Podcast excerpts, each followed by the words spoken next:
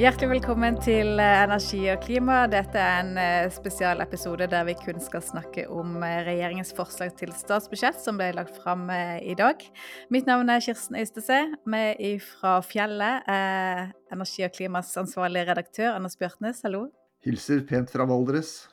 Og så har vi med daglig leder i Norsk Klimastiftelse, Lars Henrik Pål Mikkelsen. God ettermiddag til deg også. Tusen takk for invitasjonen. Vi har lest gjennom eh, store deler av statsbudsjettet, men konsentrert oss om det som handler om eh, klima, miljø, energi. Altså hoppe over eh, skole og forsvar og helse, blant annet. Eh, og Anders, en nyvinning i fjor var jo denne grønnboka, altså regjeringens klimastatus og plan, som, eh, der målet er å telle utslipp sånn som vi teller penger. Og den er kommet eh, i en oppdatert eh, versjon i år. Kan du si litt om hva den inneholder? Ja, Det viktigste, sånn som jeg oppfatter det, er eh, en, eh, en plan eller et slags anslag på hvordan Norge skal nå forpliktelsene i avtalen med EU fram mot 2030. Dette er vi nødt til å levere på eh, for å tilfredsstille både avtalen med EU og i sin tur også eh, våre forpliktelser til Parisavtalen. Så der er den grønne boka ganske detaljert, sånn som jeg leser den, med eh, gode forklaringer på hvordan det går med utslipp gitt den politikken som er vedtatt tidligere, og hva slags politikk som trengs for å fylle dette gapet som er nødvendig for å komme i land med 50% utslippskutt i da disse, disse her. Og nå snakker vi oss nesten bort igjen i vanskelige klimamål. Ikke-kvotesektoren fram til, til 2030. Mm, for vi har eh, mange klimamål i Norge. Men eh, hvordan går det egentlig? Hvordan ligger vi an i forhold til de målene vi har satt oss? Nei, på dette feltet her, da, som handler om 2030-mål eh, innen avtalen med EU, så ligger vi etter budsjett. Eh, vi har brukt mer, vi har sluppet ut mer både i 2021, 2022 og gjør det i 2023 enn det budsjettet tilsier. Så vi går da videre framover med, eh, med en gjeld som vi må betale da mot slutten av tiåret. Men så har vi også et mye mer ambisiøst mål, da, dette omstillingsmålet som sier at vi skal redusere redusere innenlandsutslipp med 55% i 2030. Hvordan eh, ligger det an i, med, med, dette budsjettet som er lagt fram?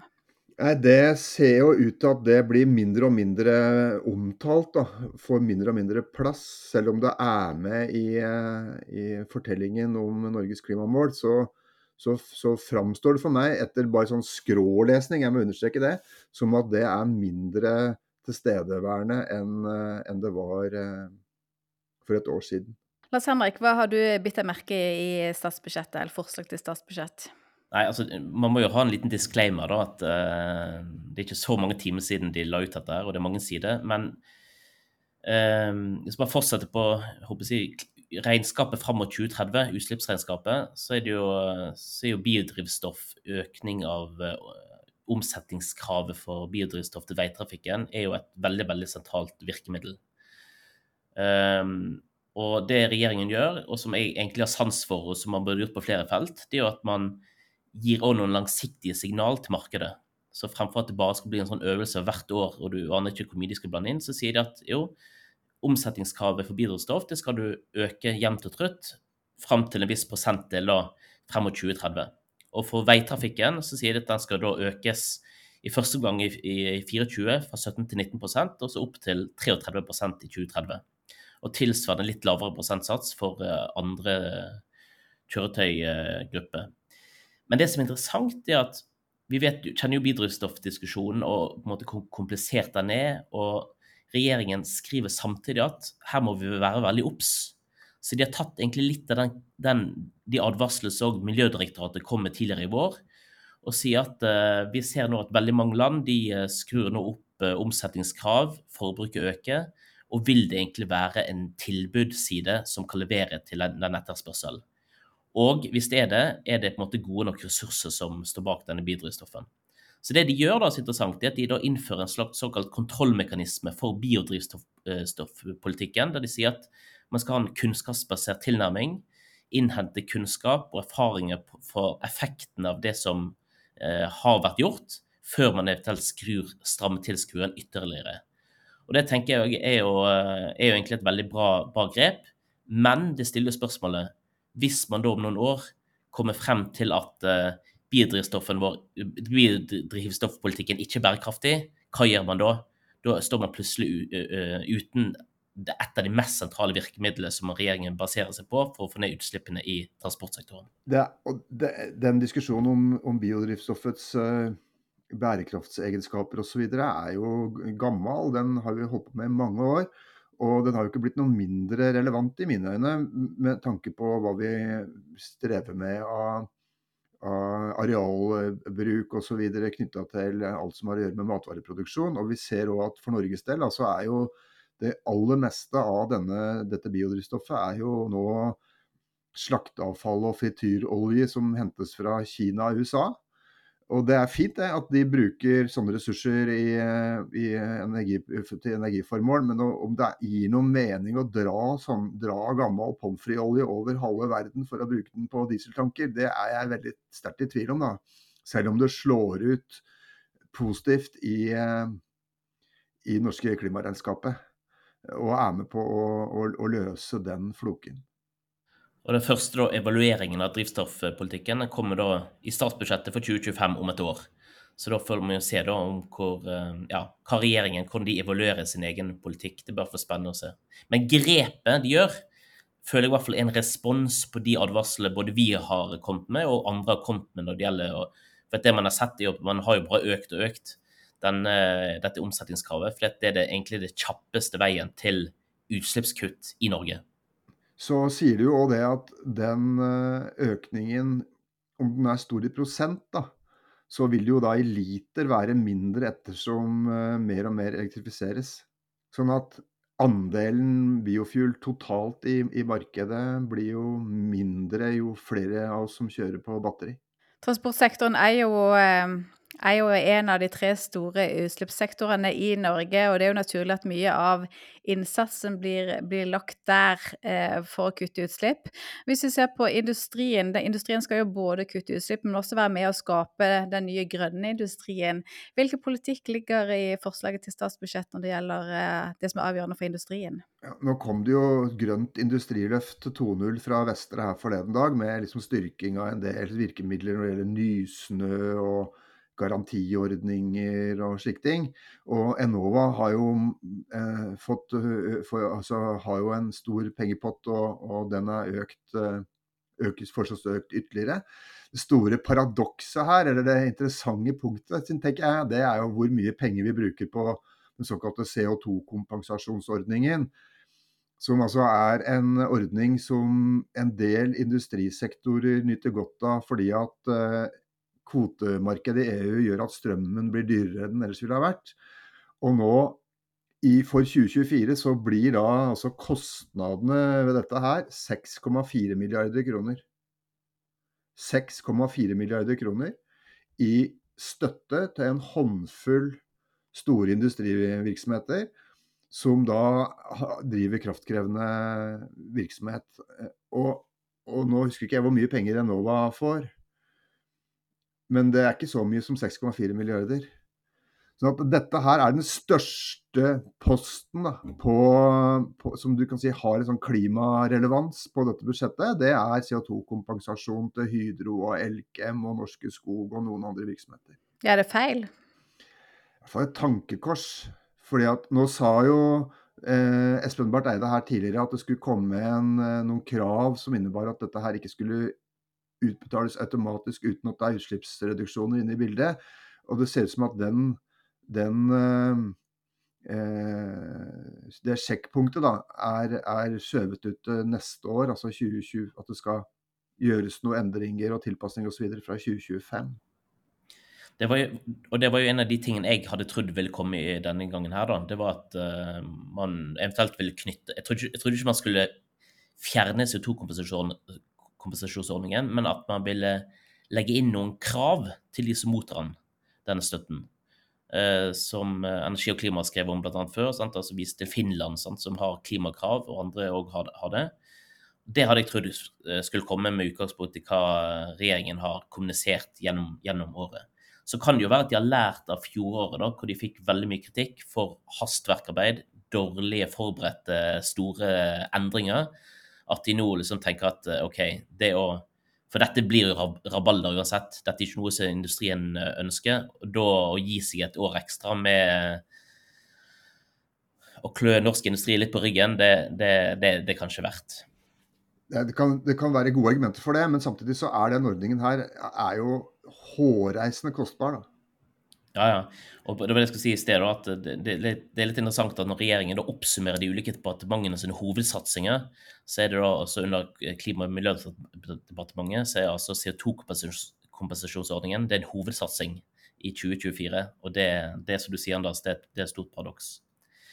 Men når det kommer til industrien, så tenker jeg i hvert fall at der har jo Stortinget òg gjennom årene fremmer veldig mange såkalt verbalforslag der de har liksom sagt at vi krever at regjeringen gjør sånn og sånn og sånn.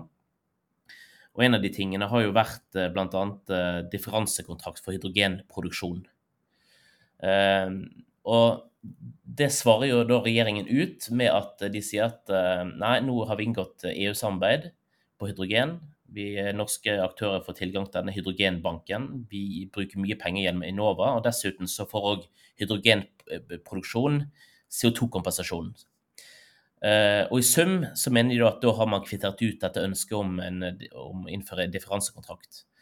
Og jeg tror at, og du, du kan ta flere og andre eksempler Stortinget har bedt regjeringen komme med på en måte kostbare klimatiltak, hvor eh, de er egentlig avvisende. Og jeg tror egentlig dette er tegn på at tidene der det er lett tilgang til veldig nye, store penger, den er forbi. At nå det, sitter det veldig langt inne å bevilge nye penger til, eh, til gode formål. Uh, og det var jo kanskje denne energieffektiviseringsplanen som kom uh, dagen i forveien. Sånn, kritikken var jo der òg at for lite penger. Og jeg tror rett og slett at alle vi nå som sitter rundt og prøver å påvirke politikken direkte og indirekte, må være klar over at det, kreves langt mer kreativitet. Og man trenger òg å gå kritisk gjennom den pengebruken man allerede har. Der er det jo et interessant poeng med, med overskridelsene på Hywind Tampen. Det ikke det? så ikke jeg. Jo, det så jeg nå her at uh, TU hadde en sak på at uh, det er en budsjettsprekk der på Nå husker jeg ikke hvor mange milliarder, men det er to-tre milliarder kroner dyrere da, å bygge det Hywind Tampen-prosjektet enn det det så ut til da de gikk i gang. Og det er jo illevarslende med tanke på flytende havvind. Det sprakk 44% skriver Teknisk Ukeblad nå, i nå, det Hywind Tampen-prosjektet. Eh, og det er jo da Havvind vil jo ikke sant? Nå er det da bevilga noen ekstra penger til, til, litt mer undersøkelser og litt mer folk og saksbehandling og sånne ting. Men regningen for, for dette her er, ser vi jo ikke noe spor av på dette budsjettet. Men, men nettopp pga. sånn kostnader fordi kampen mot kroner blir, blir sterkere, så, så, er det jo òg grunn til å stille spørsmål med hvorfor man fortsatt driver og kompenserer for effekten av økt CO2-pris. For det er jo på en måte hovedvirkemidlet i dette budsjettet for å få ned utslippene. Det er jo at man fortsetter denne jevne opptrappingen til 2000 2020-kroner i CO2-avgift fram mot 2030. Eh, og det som er bra, det er at de da sier at eh, nå skal eh, man òg akseptere at det gir dyre pumpepris. Og kritikken i fjor var at man da kompenserte all klimaeffekt. Men, og jeg trodde at i år, ut ifra de lekkasjene og oppslagene i Aftenposten, så trodde jeg at det hadde man gått helt bort ifra. Men så viser det seg at eh, nei da, man skal fortsatt redusere eh, veibruksavgiften, altså den komponenten i prisen på bensin og diesel og bruker da eh, i størrelse altså mer enn 800 eh, millioner kroner på det. Det er vel en slags frykt for folkelig opprør og, og misnøye hvis ting blir for dyrt for fort? Jo, det, det skjønner jeg jo, men samtidig så kommuniserte man at uh, det er slutt Man prøvde å kommunisere at det er sluttregningen, det er slutt, kassa, sluttsummen på kassalappen som betyr noe. Sant? Om, om du på en måte skrur opp melken bitte litt, så, så, så, er det på en måte hva du betaler til slutt, som betyr noe. Og hvis du virkelig mener at CO2-avgiften skal være på en måte det ledende klimatiltaket, så må du jo la den avgiften få virke. Og så må du heller kompensere på andre måter. Og Derfor tenker jeg at det de da gjorde grepet med at de tar ned eh, sånn, mer sånn årsavgift, altså eh, avgifter knyttet til eie, det er jo på en måte mer fornuftig. Og så var det en liten uheldig utslag her at de eh, gjorde noen grep da som bare eh, gjaldt for fossilbiler, og så ble differansen mellom fossil og elektrisk den ble, den ble borte. Men sånn, i, i, utgangspunktet så er det grepet riktig. tenker jeg. Og det er da en sånn, sånn småpenger, sikkert, eh, hva de sparer på å, å ikke redusere elbilårsavgifta på, på, samme måte. Og det er typisk sånn tiltak som SV kan forhandle inn igjen, eh, med mye brask og bram i, for, i, eh, i, når det skal lages forlik. Sammen med f.eks. den klimasatsordningen som de jo da igjen tar ut av budsjettet som er en støtteordning til kommuner på Nå husker jeg ikke hvor mange millioner kroner det var snakk om, men det er jo ikke veldig stor post. Eh, og som da over år har gitt gode resultater som gulroteffekt i mange kommuner som gjør klimatiltak og, og miljøtiltak i, i, sin virksomhet. Og som da lettere får dette gjennom i styre og stell i sin kommune i sine prioriteringer når det er en liten pott å hente fra staten. Den foreslår de da fjerna. Og jeg tenker også i forhold til sånn folkelig støtte og grønt skifte nedenfra, og behovet for å sørge for at det er mange ting som skjer basert i lokale initiativ, da så er det veldig dumt å ta bort en uh, sånn ordning som i den store sammenhengen er uh, knapper og glansbilder. Men det, dette var jo det samme. I fjor så reduserte de vel. Jeg tror det er snakk om 100, kanskje 200 millioner. Så det, det, det står sånn. Da. Jeg tror det var 100 millioner i fjor. på ja, så jeg tror i fjor så gikk de ned fra 200 til 100, altså, og, og, SV på en måte fikk det inn igjen. Så dette er en sånn type sånn post der SV sikkert må gjøre jobben så er mindre på en måte, de samme tiltakene kan få støtte andre steder fra, og de kan sannsynliggjøre det, så tenker jeg at det, det er jo en post som, eh, som, som, bør inn. Og Det samme også ser jeg at det har vært litt kritikk mot uh, kutt i skogvern og sånne ting. Dette har ikke jeg lest i detalj, men bare ser på reaksjoner. tenker jeg også sånn type sånn poster der SV kommer til å kjempe inn de millionene som, som, som kreves. da. Men for SV da, så blir jo, så blir jo spørsmålet mer sånn OK, hva er det liksom struktur, hvor kan vi egentlig gjøre en størst forskjell? Det, det vil jeg virkelig bruke tiden nå på SV. Det er veldig mange nå som særinteresser skal ha sine millioner her og der. Men eh, fremfor å tenke hvordan gjøre alle til lags, så vil jeg tenkt hva kan vi gjøre for å få størst og raskest mulig utslippskutt? Så at SV sin jobb ikke nødvendigvis da skal være å få tilbake en eh, klimasats og skogvern og disse mindre postene på budsjettet? Jo, jeg er enig med Anders at hvis, hvis disse tiltakene som, eh, disse tiltakene som uh, kommunene i dag kan realisere pga. klimasats, hvis ikke det finnes andre kilder til det, så tenker jeg at det, det er rart. For det, det, som regjeringen skriver om den ordningen, det er at de forventer mindre utslippskutt når de tar den vekk.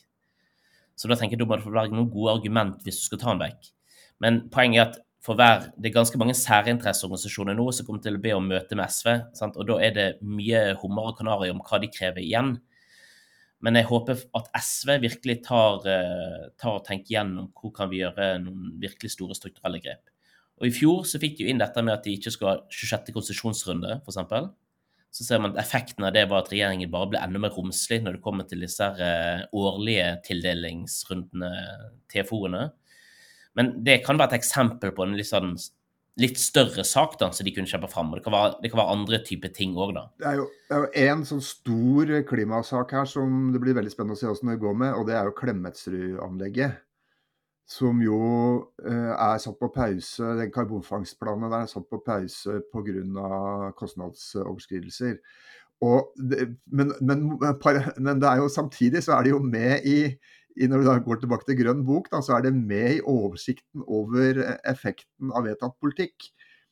Der ligger Klemetsrud-anleggets utslippskutt inne som eh, liksom default. Det skal skje, liksom. Men, eh, men, eh, det er jo høyst usikkert om det blir noe av. Eh, og det å få noe mer forsikringer om at det er vilje til å bruke penger den, i den retningen der, da, når det gjelder avfallshåndtering og, og CO2-fangst, det tenker jeg er en stor og viktig sak for det innenlandske norske utslippsreduksjoner. Lars Henrik, du nevnte at grunnen til at det ikke kommer noen eh, klimakrav i forbindelse med CO2-kompensasjonsordningen, det er muligens fordi at de ikke ønsker å komme med noe som er forhasta og ikke forankra. Eh, og det ser man jo også på eh, kraft kraftpolitikken, eh, som man jo her delvis går tilbake på. Det var mye, mye styr rundt dette høyprisbidraget som, eh, som kom litt brått på eh, i september i, i, fjor. Nå går de tilbake på det, og, og de fjerner det allerede fra 1.10 i år, istedenfor å vente til 2024. Og det er jo en sak som, som skapte mye Fikk mye kritikk, både fordi at det det gjør det mindre lønnsomt å investere bl.a. I, i effektkraftverk. Og så er det noe med at du, du ønsker ikke den type brå skatteendringer i en, en, langsiktig næring, og det gir uheldige insentiver til å investere, rett og slett. Så det er jo viktig for, eh, for kraftpolitikken. Eh, så ser vi også at dette forslaget til eh, grunnrenteskatt på landbasert vindkraft, som også har vært på høring, det, det foreslås også å, å, innføres der med virkning fra 2024. Der er, der er det jo heller ikke sånn det er ikke, det er ikke begeistring for hele innretningen av det, men, men det er blitt lytta til deler av de, de innvendingene som er kommet i, i, høringene. Så får vi se, nå er det sikkert mange som skal regne på effekten av dette og finne ut av hvordan dette faktisk slår ut. Eh, men de er opptatt av at eh, verdiene skal komme samfunnet til gode, ikke minst lokalbefolkningen. Lokale kommuner skal ha mer igjen av de verdiene som skapes det er helt nødvendig og riktig at, eh, skatt, at mer av skatteinntektene fra vindkraft, og, og, ja, fra vindkraft blir igjen lokalt. Eh, og det er fornuftig med, med grunnrenteskatt etter mitt syn, men det som jeg tenker er, var det virkelig skade Det som gjorde skade med det forslaget de kom med i fjor, var at de, de ga jo dette her tilbakevirkende kraft. Altså slik at folk som hadde gjort eh, investeringer i god tro, og hadde pensjonsfond og, og, og in, altså lange institusjonelle investorer i ryggen, de opplevde at de investeringene de hadde gjort, eh, ramla sammen i verdi. Og sånn kan vi ikke ha det. Det går ikke. Det, det, undergraver tillit, og det er med på å gjøre det mye vanskeligere å reise liksom, tålmodig, langsiktig, rimelig kapital da, til, store, til store investeringer som er nødvendig for fornybar energi. Og, og jeg, jeg, har ikke skjønt helt i, så langt i dag om denne tilbakevirkende kraftkomponenten dette her er helt borte eller bare dempa. Men det mener jeg er veldig viktig med tanke på Stortingets behandling av dette her framover nå. At uh, de sørger for at det ikke er noen som helst tvil om at de som da har, har investert i vindkraftverk i 2017 eller 2018 uh, eh, med det regelverk som var da, de må være sikre på at de får betalt. altså. Mm. Det ser ut som man er dempa, men jeg tror du må regne egentlig fra prosjekt til prosjekt for å se hvordan dette her faktisk slår ut. De har jo gjort det veldig lett for opposisjonen det siste året, da. For at, uh, summen av alle på en måte sånne, litt sånn uventa skattegrep som kom i fjor, gjorde jo til at hver eneste debatt som handlet om kraftpolitikk og hvordan realisere mer kraft, har jo bare endt i en diskusjon om høypris per dag og tilbakevirkende kraft.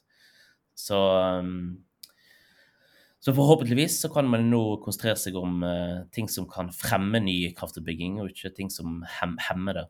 Jeg tror det er viktig å følge med på det, for det, jo, det var jo en del signaler fra selskapene når, når dette høyprisbidraget kom. Så, så, sa de OK, nå putter vi prosjekter på vent, og så, så kommer ikke disse prosjektene opp igjen før, før det høyprisbidraget er fjerna. Så nå må vi følge med på å se om det blir noe mer fart da i de prosjektene som, eh, som eh, ble satt på vent, rett og slett. For hvis vi ser på investeringer og utbygging i, i ny fornybar energi, så har jo det stoppa opp hvis vi sammenligner med de årene som vi har lagt bak oss, er det jo nesten ikke satt ny produksjon i, i drift i, i, 2022, og særlig ikke da i første halvår av 2023. Det er et kjempepoeng som Lars Henrik sier, at det å tenke gjennom grundig og ha bra utredninger osv. når du gjør sånne, sånne endringsforslag som forandrer rammene på den måten, er veldig viktig. Det er ikke noe gærent i å å bruke tid på det og, og holde, liksom, sørge for at du har kvalitetssikring i politikken som er solid. Da. For det svikta jo da fundamentalt i fjor høst på, det, på, dette området her. Og det er jo bare sånn Wiersholm, Melby og Beck og Bar og Deloitte og sånne internasjonale advokatbyråer som har tjent penger på denne usikkerheten. Eh, fordi at eh, det har vært brukt så store ressurser på å forsøke å stoppe det. Eh, og det er en dårlig bruk av samfunnsressurser å sørge for at det her går liksom tusenvis av advokattimer eh, i lobbyarbeid. Så derfor der får vi nå at den kvalitetssikringa er, er bedre, da. Mm. Så når det gjelder eh, energieffektivisering, så er det jo heller ikke mye som kommer av verken ny politikk eller nye penger på det området, til tross for at de la jo fram en egen handlingsplan for energieffektivisering i går. Det er noe mer midler til Enova og Husbanken og, og litt sånn småpenger, eh, men, men, eh, det meste er på utredning, og vi skal se på og vurdere. sånn at det, det var litt skuffelse å lese blant de som er opptatt av dette, når, når den handlingsplanen ble lagt fram. Det, men det vil, det er det jo alltid når eh, handlingsplaner legges fram og det ikke er eh, mye penger, nye penger inn, eh, som leveres inn. da. Men her er det nok også sånn at, at det er, fra regjeringens side er veldig stor varsomhet med å sette opp eller å gi subsidier og støtte. Særlig til husholdningene, kanskje. For å gjøre tiltak i hus og heim når det gjelder enøk. At det er liksom noe hver enkelt må ta hånd om. Det har vært en linje lenge, så kan diskutere om det er riktig eller, eller gærent. Men, men uh, samtidig så ligger det jo noen kroner, kroner inne til f.eks. Husbanken, som jeg tenker at er veldig riktig. Uh, at de får da mulighet til å hjelpe til med mer enøktiltak osv. Enten det er eldreboliger eller det er kommunale bygg ellers og slike ting. Der det er da altså mindre private ressurser da, for å gjennomføre jeg tror, altså, Energieffektivisering er jo sånn punktet alle er for, og så er det egentlig litt sånn vanskelig å få tak i hva er politikken. Sånn, for det er veldig lett å peke på at du skal bare ha mer penger.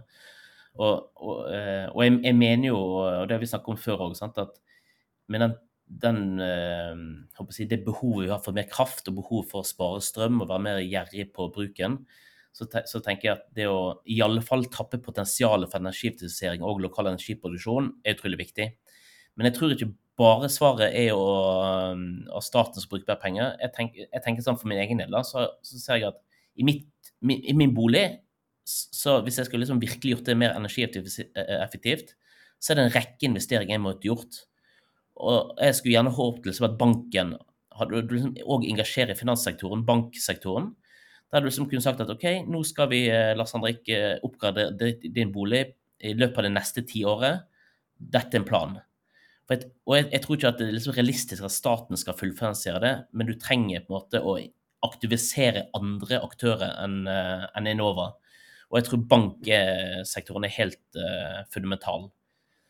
Men da trengs det kanskje en liksom prosjektledelse da, fra myndighetene som liksom får alle disse ulike stakeholderne rundt samme bord og sier hvordan skal vi nå faktisk sørge for at dette målet vårt nås. Og litt gulrot er nok fornuftig òg. Jeg tror det. At det kan være med å, ja, ja. å, å vippe beslutninger, kanskje særlig i borettslag og sameier og sånne ting, der det er flere som skal være med å ta en avgjørelse om å, om å gjøre sånne investeringer. da. Og så vil jo da høyere rentenivå vil jo helt åpenbart gjøre at folk blir mer kvie av det. Eh, for å gjøre slike ting i, eh, i, eiendommene sine. Det er det ikke tvil om at det kommer til å være en ganske sterk effekt. Og så må det være forutsigbart. Så du må ikke ha sånn som du hadde nå i vår, hvor regjeringen og SV ble enige om at nå skal vi øke produksjonen av solkraft til 8 TWh innen 2030. Og så et par dager etterpå så kommer Enova og sier at nå trekker vi støtten til solkraft, eh, eller solcellepanel. Så politikken må være forutsigbar. Det, det tror jeg òg er viktig for at folk skal vite hva de kan forholde seg til tema som vi jobber innom her, er jo eh, landbruket og utslippsreduksjoner i landbruket. Som jo òg er en del av grønn bok-fortellingen. For der har vi jo sett da gjennom mange mange år at redusert kjøttforbruk og, og færre drøvtyggere har vært en del av si, menyen når det handler om utslippskutt i ikke-kvotesektoren. Det er klimakur i forskjellige varianter og osv. Har, har gjentatt det da, eh, som det viktigste tiltaket for å kutte utslipp i, i, landbruket. Men nå er det helt borte. Og det er ikke populært i Senterpartiet? Nei, så nå, nå den, så den, også den effekten av dette, denne her eh, diskusjonen om, eh, om helse og kosthold som ligger i disse nordiske kostholdsanbefalingene som kom her på forsommeren, det er det ingen spor av at det skal ha noen sånn klima- og bærekraftsdimensjon. da. Så det som vi nå skal sette vår lit til når det gjelder utslippsreduksjoner i landbruket, det er en, et tilskudd i kufor som heter metanhemmer. Metanhemmende fôr i, i kraftfôret som kyr skal gis, det skal da kunne gi akkumulert en utslippskutt på 1,4 millioner tonn fram til 2030, står det i, i Grønn bok. Nå har ikke jeg sjekka hvor langt det er kommet i, fra si, laboratorium til fullskala-implementering, men sånn som jeg har skjønt det, så er dette her fullt mulig å gjennomføre. Og det har den effekten de peker på, altså at det blir mindre metan fra, fra kua eh, når de får dette tilskuddet. Men samtidig så, så er det jo en kostnad ved det, naturligvis. Og det er da òg noe som jeg har sett at en del mer sånne økoorienterte eh, bønder er opptatt av at vil stimulere til mindre bruk av grovfôr og beiting, og altså mer eh, inne, inne, inneliv for, eh, for, for kyr. enn det som da ville vært eh, bra ut fra en sånn, mer sånn ressurs- og bærekraftstilnærming. Da. Men uansett så må det altså Noen må betale regninga for at, uh, at, kua får mer metanhemmende fôr. Men, ikke, men, det at de tar ut alle referanser til uh, endra på en måte forbruk, altså redusert kjøtt, uh, ikke det er litt rart? altså Når du tenker på dette med denne rapporten fra Miljødirektoratet som var en sånn uh, tiltakssamling fram mot 2030 så var jo dette med endra atferd eh, og hva vi spiser og putter i oss, det var jo et av hovedvirkemidlene deres. Det var det, men da satt ikke Senterpartiet i regjering. Jeg tror det er så enkelt som at Senterpartiets regjeringsdeltakelse har satt en stopper for, eh, for politikk som da eh, kan være negativt for, for drøvtyggende husdyrhold. Uh, og det er vel kanskje da igjen tilbake til den uh, til noen av det, til det vi har vært innom tidligere her med tanke altså med hva slags regjering dette her er. Altså Det er en mindretallsregjering bestående av Senterpartiet og Arbeiderpartiet. De har hver sine uh, kjepphester. de har hver sine interesser på mange områder og støter mot hverandre. De skal lage avtale med SV om budsjettforlik i Stortinget. Og de er dypt og inderlig splitta når det gjelder synet på, på samarbeid med EU. Og det Alf Ole, vår, Alf Ole vår Brussel-korrespondent, har i dag gått gjennom og sett etter spor i budsjettdokumentene av hva som handler om forholdet til EU. da. Og Der står det jo gang på gang på gang at uh, her skjer det fryktelig mye. Det er masse regler underveis. Nesten alt er relevant for Norge, og mye vil være der som en del av EØS-avtalen. Men, det, men uh, så stopper det. Dette skal vi se nærmere på. Utrede nærmere. Eh, det kreves avklaringer og osv. Og, og, og dette skal vi, skal vi gjøre grundig eh, og, og, komme tilbake til osv. Det er liksom hovedbildet da, på veldig mye av det som har å gjøre med forhold til EU, sjøl om det da kom nå en eh, en proposisjon som ingen regel uten unntak. ikke sant? Skal, Norge skal inn i kvotesystemet for, eh, for skipsfart. Utvidelsen til skipsfart kommer nå for at vi skal rekke å få det vedtatt i Stortinget før, eh, før nyttår. Ja, og det, og det, støter da heller ikke mot noen kall det sånn Senterparti-interesser i, eh, i, klimapolitikken. Um, mens der de gjør det, så det, står det stille. Et, et, område som jeg bare la merke til, og dette er et felt jeg ikke føler jeg kan veldig godt, men det er skog- og arealbruk. Og Der bare leste jeg i jeg tror det var i Grønn bok at uh, utslippsregnskapet for den sektoren nå de neste 25, midten av 2020-tallet, det går i dundrende minus for Norge. Og at uh, vi da må kjøpe kvote for å komme oss ut av det. Mens etter 2025 så blir det nye regelverk til EU. Det er gunstig for Norge, så da, da får vi pluss. Og Det er vel da en sånn typisk eh, eh eksempel på en EU-endring vi, eh, vi, trykker til oss, som vi gjerne vil ha mer av. Ja, så, Og så blir jo da dette her ofte mer sånn altså regnskaps, utslippsregnskapstekniske beregninger som du egentlig kan spørre om har så stor betydning. ikke sant? Og det, mens det viktige er jo hva som sendes av styringssignaler gjennom uh, politikken. eh, det da å ta vare på mer natur og unngå nedbygging av myr og dyrka mark og passe på at vi ikke sløser med, med arealer osv., det jo, må jo være en grunnleggende rett, enten det bokføres på den ene eller andre måten i, i norske og europeiske klimagassregnskap. Mm. Ok, Skal vi samle trådene? Har du mer på hjertet, Lars Henrik? Nei, jeg skulle akkurat til å si at hvis vi kan avslutte med å liksom bare løfte blikket litt, så bare tenke at dette statsbudsjettet det kommer da i en uke der pave Fransk har kommet med en eh, ekstremt sterk eh, hva skal jeg si, skriftlig redegjørelse om klimakrisen, der han både tar for seg klimaskeptikere og oppsummerer klimavitenskapen og eh, appellerer sterkt til beslutningstagere om å gjøre det som man kan for å stoppe de mest alvorlige konsekvensene av klimaendringene. I FN så har vi hatt eh, eh har FN kommet med en slags politisk meny før COP-møtet, der de sier at eh, politikken må strammes kraftig til, og de kommer med ulike alternativ som de håper skal opp til vurdering.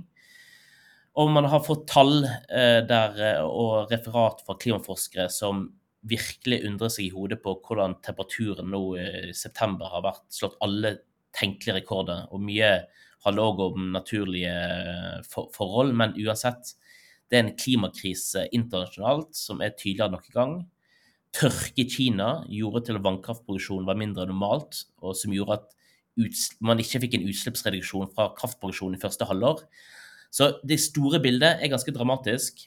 Eh, og da er det òg verdt å merke at eh, inntektene for olje og gass de er fortsatt på et ekstremt høyt nivå sammenlignet med hva som har vært normalen.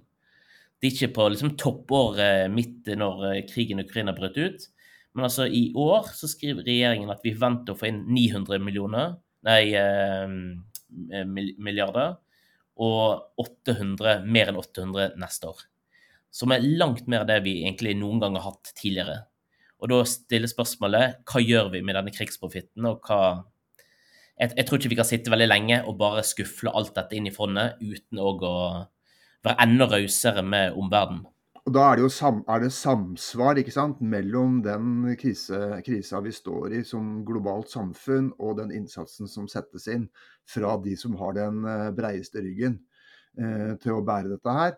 Det, vi ser jo da eh, det, det at vi, at vi, nå får en sånn garantiordning for fornybar, fornybar energi i utviklingsland osv. Det kommer noe der. Men i det store bildet så er jo det en veldig liten eh, sum penger da, som stilles til rådighet fra Norge i lys av den voldsomme ekstrainntekten som vi har sett de siste åra fra olje og gass. Og i Grønn bok eh, så, så, er det en oversikt over klimaeffekten av ulike virkemidler. Og da ser du òg liksom effekten av ulike sånn internasjonale prosjekt og program og initiativ som vi er med på å spytte penger i. Og da ser du altså at de virkelig, virkelig store utslippskuttene, de kan man ta i utlandet. Og det betyr ikke at vi ikke skal gjøre ting i Norge, men det betyr at vi må være veldig, veldig rause og være vårt ansvar bevisst som en ekstremt rik eh, petrostat.